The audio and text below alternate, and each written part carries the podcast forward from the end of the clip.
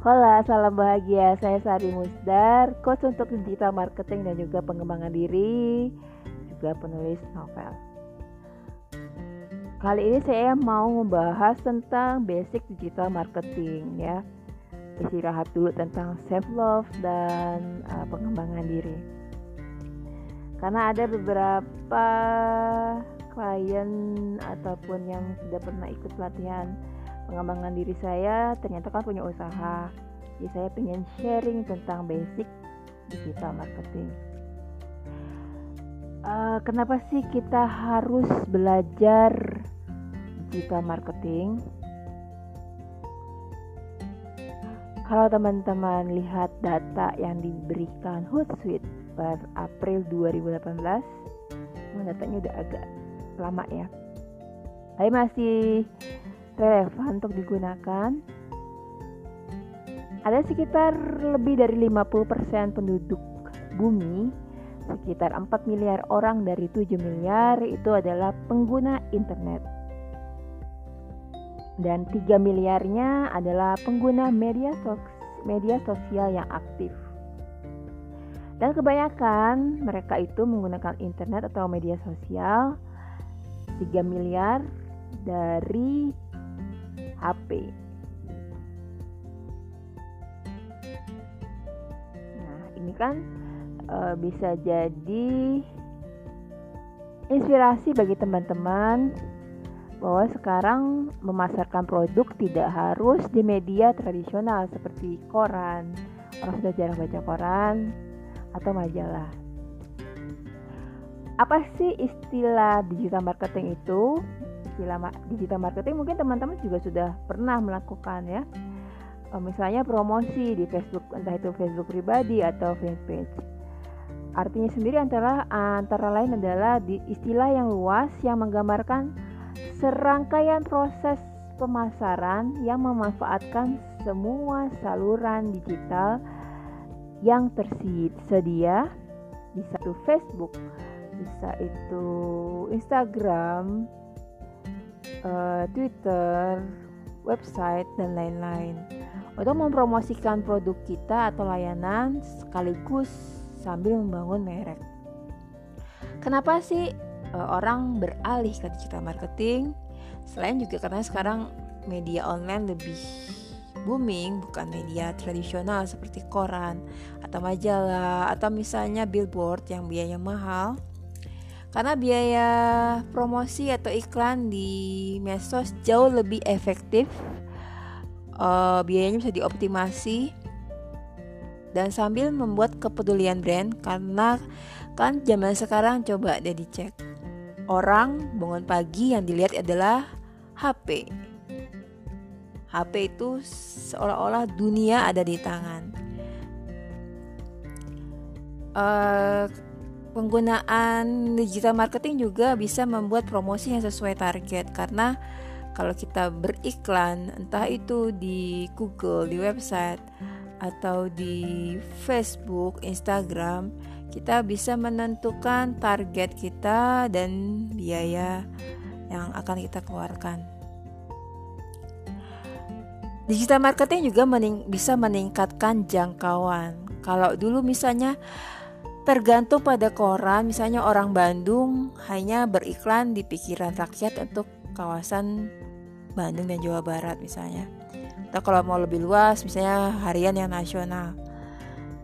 Biayanya tentu juga akan mahal gitu ya.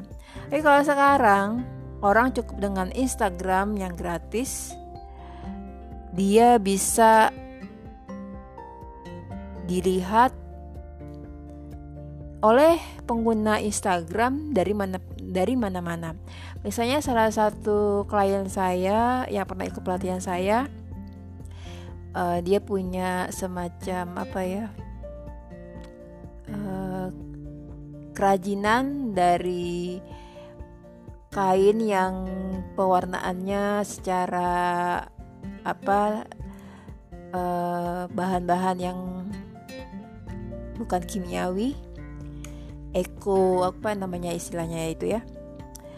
Uh, ternyata produknya dilihat oleh orang India dan uh, Malaysia kalau nggak salah. Artinya di pembeli produknya bukan hanya orang Indonesia saja atau orang Bogor uh, di mana dia tinggal.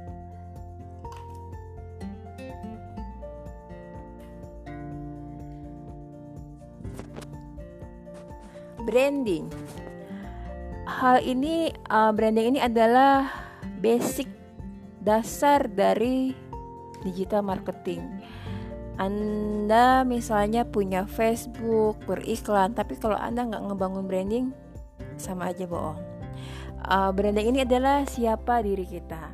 Dan karena uh, ini saya khusus buat untuk orang-orang yang punya bisnis perorangan atau UKM, uh, saya lebih menitik beratkan pada personal branding. Branding itu sendiri adalah serangkaian kegiatan untuk membentuk citra kegiatan supaya nama produk kita ada diingatan. Misalnya kalau kita ke warung, ke restoran, ke kafe, uh, kita nyari teh yang kita sebut biasanya orang dalam menyebut merek teh botol. Kalau minuman menyebut aqua, misalnya begitu ya. Uh, langkah untuk branding uh, adalah biasanya tentu saja dari perencanaan. Kita mesti tahu siapa target audiens, kompetitor, klien kita, posisi kita di antara kompetitor ada di mana, terus tampilan visual apa sih yang kita inginkan. Kita juga mesti tahu produk kita apa. Ada namanya psikologi warna, teman-teman bisa pelajari itu. Terus uh, kita akan punya ide kira-kira akan seperti apa logonya terus kita presentasikan kalau misalnya kita punya rekan bisnis tentunya dengan rekan bisnis kalau enggak ya kita uh, eksekusi sendiri lalu setelah itu kita buat brand dalam bentuk logo flyer brosur dan lain-lain. Nah personal branding. Ini penting banget untuk teman-teman yang punya bisnis perorangan atau bisnis kecil atau UMKM Personal branding menurut bos dari Amazon Jeff Bezos adalah Personal brand is what people say about you when you leave the room. Istilahnya kalau hmm, saya nggak maksudnya terlalu diskrimina, diskriminasi seksual, banyak kan perempuan uh, suka Eh, nggak uh, sengaja ya kita ngomongin orang lain gitu kalau orangnya sudah pergi. Nah, kira-kira saat kita meninggalkan ruangan, kita itu pengennya diomongin seperti apa? Itu adalah personal branding. Artinya antara lain juga bisa uh, cara memasarkan diri atau citra secara individu Personal branding adalah konsep yang lebih menekankan bahwa kesuksesan datang dari safe packaging. Jadi kalau ada yang bilang don't judge book from its cover dalam branding ini kurang relevan.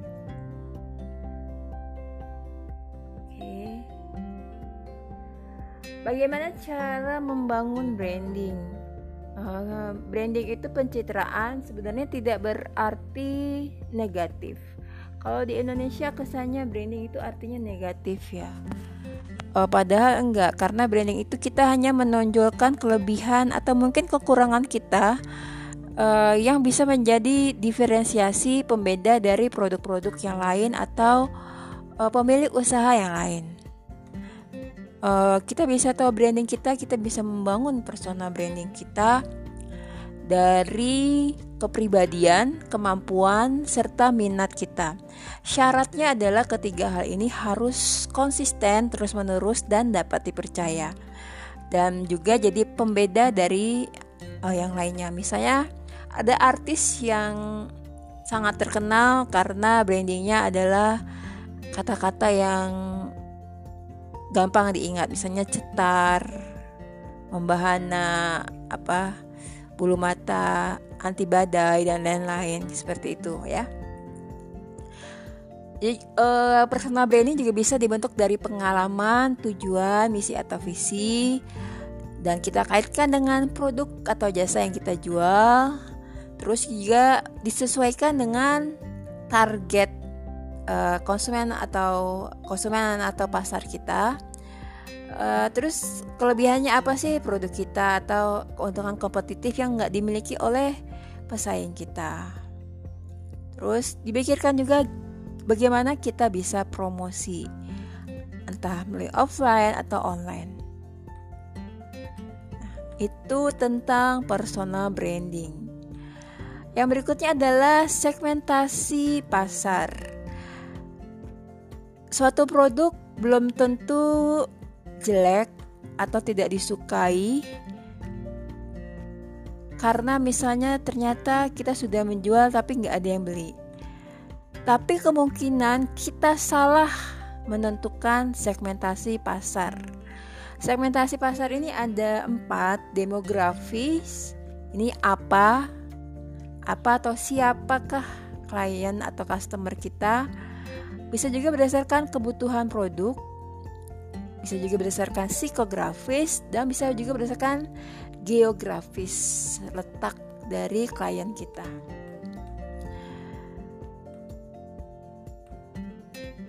Nah, saya sarankan untuk teman-teman membuat semacam kartu segmentasi pelanggan.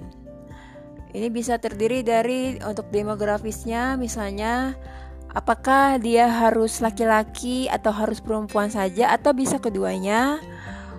Uh, kisaran usia pekerjaan jika jika berkaitan atau mungkin kisaran gaji uh, pendidikan jika ada hubungannya terus status pernikahan apakah ada pengaruhnya uh, agama atau etnis etnik dari orangnya apakah ada pengaruhnya itu bisa teman-teman buat.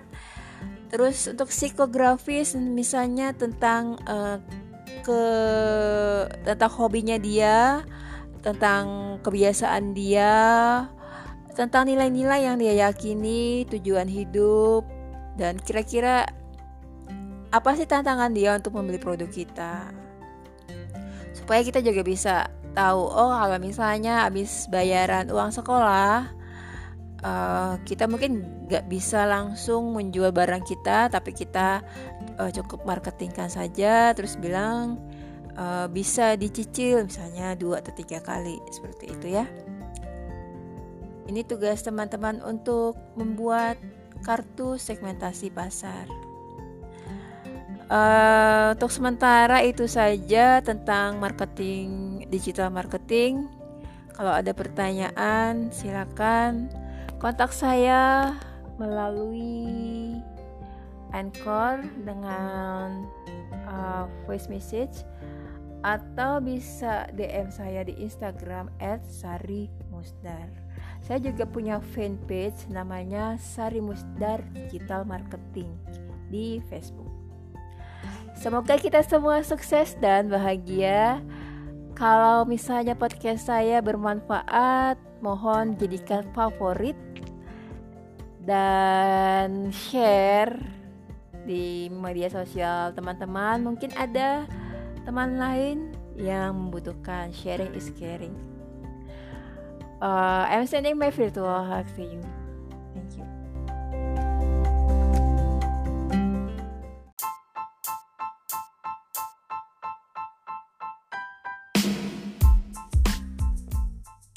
Hola, salam bahagia. Saya Sari Musdar, penulis buku dan juga coach untuk pengembangan diri dan digital marketing. Kalau untuk teman-teman yang baru mendengarkan channel atau podcast Sari Musdar, channel Sari Musdar membahas tentang digital marketing, tips dunia kerja, uh, eh, self love dan juga empat serta pengembangan diri tentunya.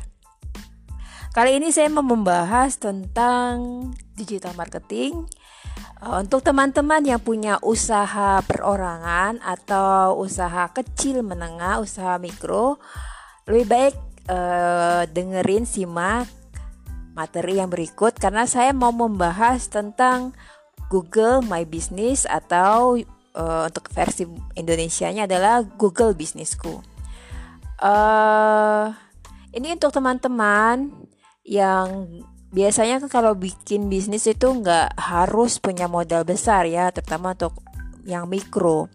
teman teman-teman bisa mm, bikin akun di Google My Business atau Google Businessku karena kalau bikin website itu kan selain biaya buatnya mahal untuk maintenance-nya juga ya kan uh, terus apa sih Google My Business atau Google Businessku uh, kalau teman-teman misalnya ngetik satu kata misalnya mencari uh, satu produk biasanya nanti sebelah kanan itu ada uh, bentuk yang kita namakan Google My Business. Di situ ada data seperti peta, ada foto, ada alamat. Kalau di punya website ada websitenya, direction, uh, dan lain-lain. Apa sih fungsi dari Google Businessku? Fungsi dari Google Businessku adalah salah satu alat untuk melakukan local listing, uh, pendaftaran secara lokal, misalnya secara di ada Jakarta atau Surabaya dan lain-lain. Ini adalah alat yang disediakan Google untuk membantu bisnis terdaftar di Google secara gratis dan bisa otomatis uh, ada di Google Map. Kenapa Google bisnisku penting? Karena zaman sekarang orang itu biasanya melakukan pencarian di internet ya dengan mengetikkan kata kunci. Terus bisnis yang muncul di Google Search uh, akan muncul juga di Google Map bisnisnya kita. Yang ketiga adalah Google Bisnisku ini bisa menyediakan informasi lengkap tentang bisnis uh, Anda. Bisa waktu operasional, bisa petunjuk arah atau Google Map, foto, video, deskripsi bisnis Anda dan juga tombol uh, call now misalnya untuk yang pengguna uh, HP.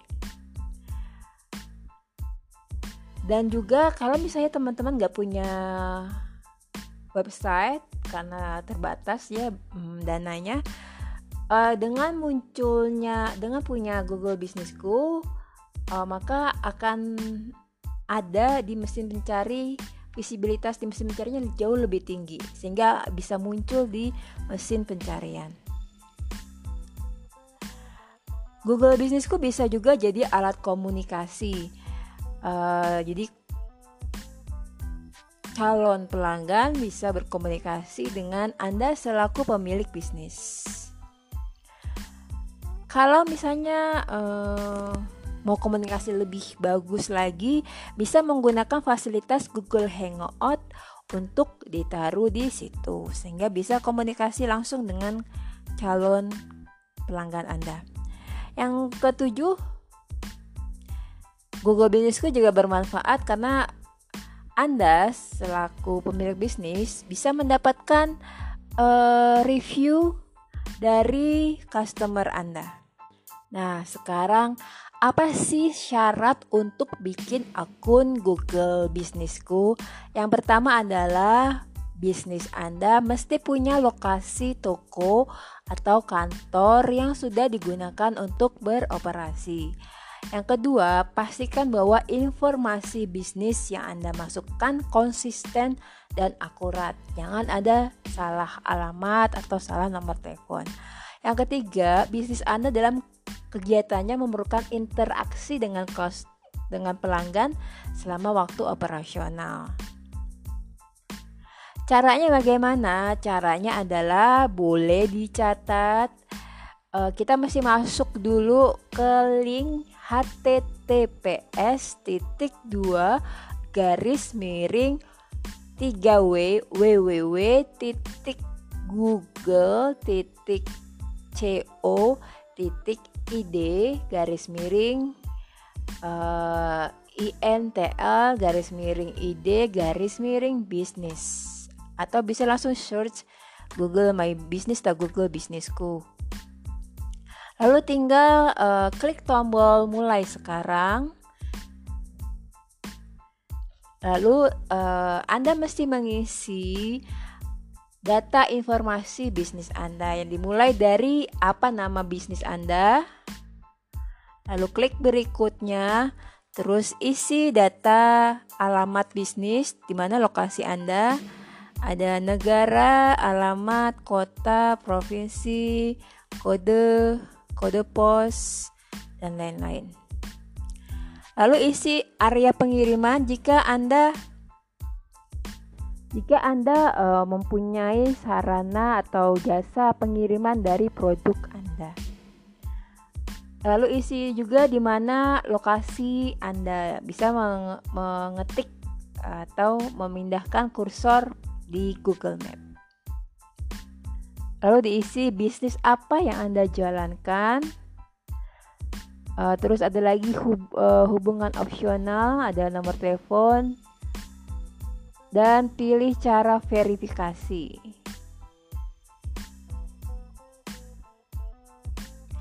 Verifikasi biasanya Google melakukan lewat pos.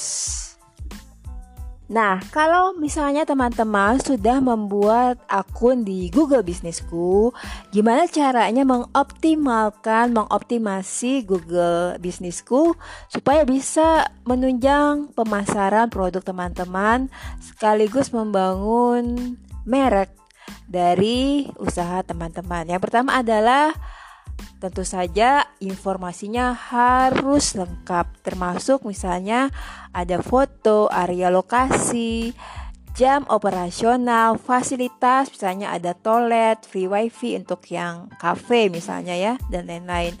Nomor telepon, link website kalau punya link website atau mungkin link uh, fanpage. Yang kedua adalah foto. Menurut Google, bisnis dengan foto akan 35% lebih banyak klik ke situs web mereka.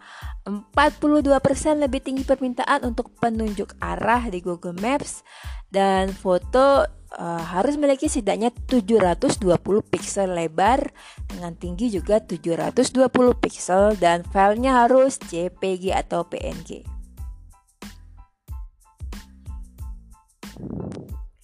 Nah, Uh, Anda juga mesti punya uh, foto sampul. Foto sampul Google My Business atau bisnisku adalah salah satu yang paling penting karena foto ditampilkan di bagian depan dan tengah uh, pada akun Google bisnis Anda. Pilihlah foto yang paling menarik dan paling bagus tentunya ya. Uh, foto profil Foto profil Anda adalah apa yang muncul ketika Anda menggugah foto baru, video, atau meninjau tanggapan. Jadi harus pilih foto yang paling bagus dan uh, eye catching.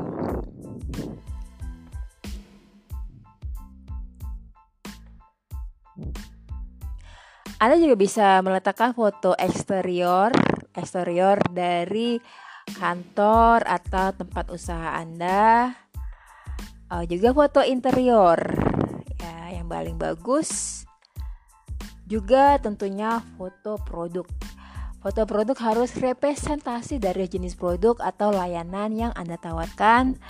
Satu foto kalau bisa adalah uh, per produk. Terus uh, tunjukkan foto produk yang paling anda ketahui dan pastikan fotonya menarik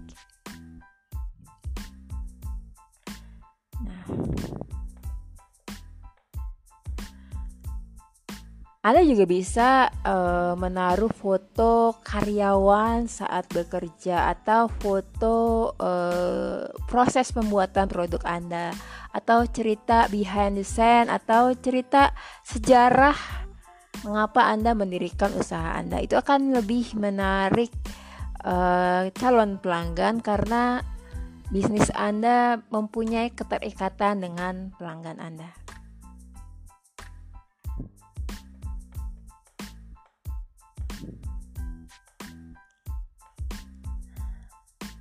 Kalau misalnya ada pelanggan yang membuat review dari bisnis Anda, sebaiknya langsung direspon dan responlah dengan nada yang positif dan berterima kasih.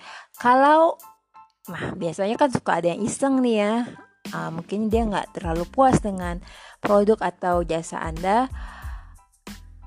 jangan lupa untuk merespon review yang negatif uh, dan menenangkan pembeli yang tidak senang. Pastikan Anda juga tetap sopan dan jangan menyerang kembali uh, komentar yang kurang bagus ya. Itu atau misalnya kalau uh, gimana sih tips supaya apa namanya red uh, review produk kita atau jasa kita nggak terlalu buruk. Kalau misalnya ada orang yang iseng uh, memberikan komentar yang negatif, Anda bisa menghapusnya atau tetap menjawab dengan sangat profesional. Justru mungkin akan lebih menarik orang karena oh ini berarti usahanya dia profesional, dia menjawab uh, review yang negatif sekalipun dengan tetap baik. Atau Anda bisa minta teman-teman atau saudara untuk memberikan komentar yang positif tentang produk Anda. Itu tadi uh, dari Google Bisnisku. Kalau misalnya teman-teman ada pertanyaan bisa hubungi saya melalui voice message atau langsung DM ke Instagram saya @sarimusdar. Nah, tips menggunakan Google My Business yang pertama adalah uh, Anda bisa menceritakan keunikan atau kelebihan produk melalui video. Video sejauh lebih uh, menarik ke interaksi daripada konsumen Anda dibandingkan foto. Terus tunjukkan kepada konsumen Anda Anda siap berbisnis. Harus menampilkan info jam kerja, jam buka, alamat, info kontak, uh, testimoni dari pelanggan dan lain-lain. Dan ya tentunya yang ditampilkan review pelanggan yang puas ya. Uh, demikian semoga bermanfaat.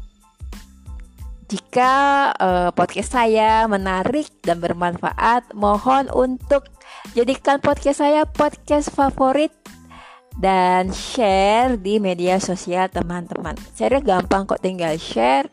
Di situ ada tanda icon Facebook, Twitter dan lain-lain. Kalau mau tanya-tanya bisa langsung DM saya di Instagram @sarimusdar. Semoga bahagia. I'm sending my virtual hugs to you.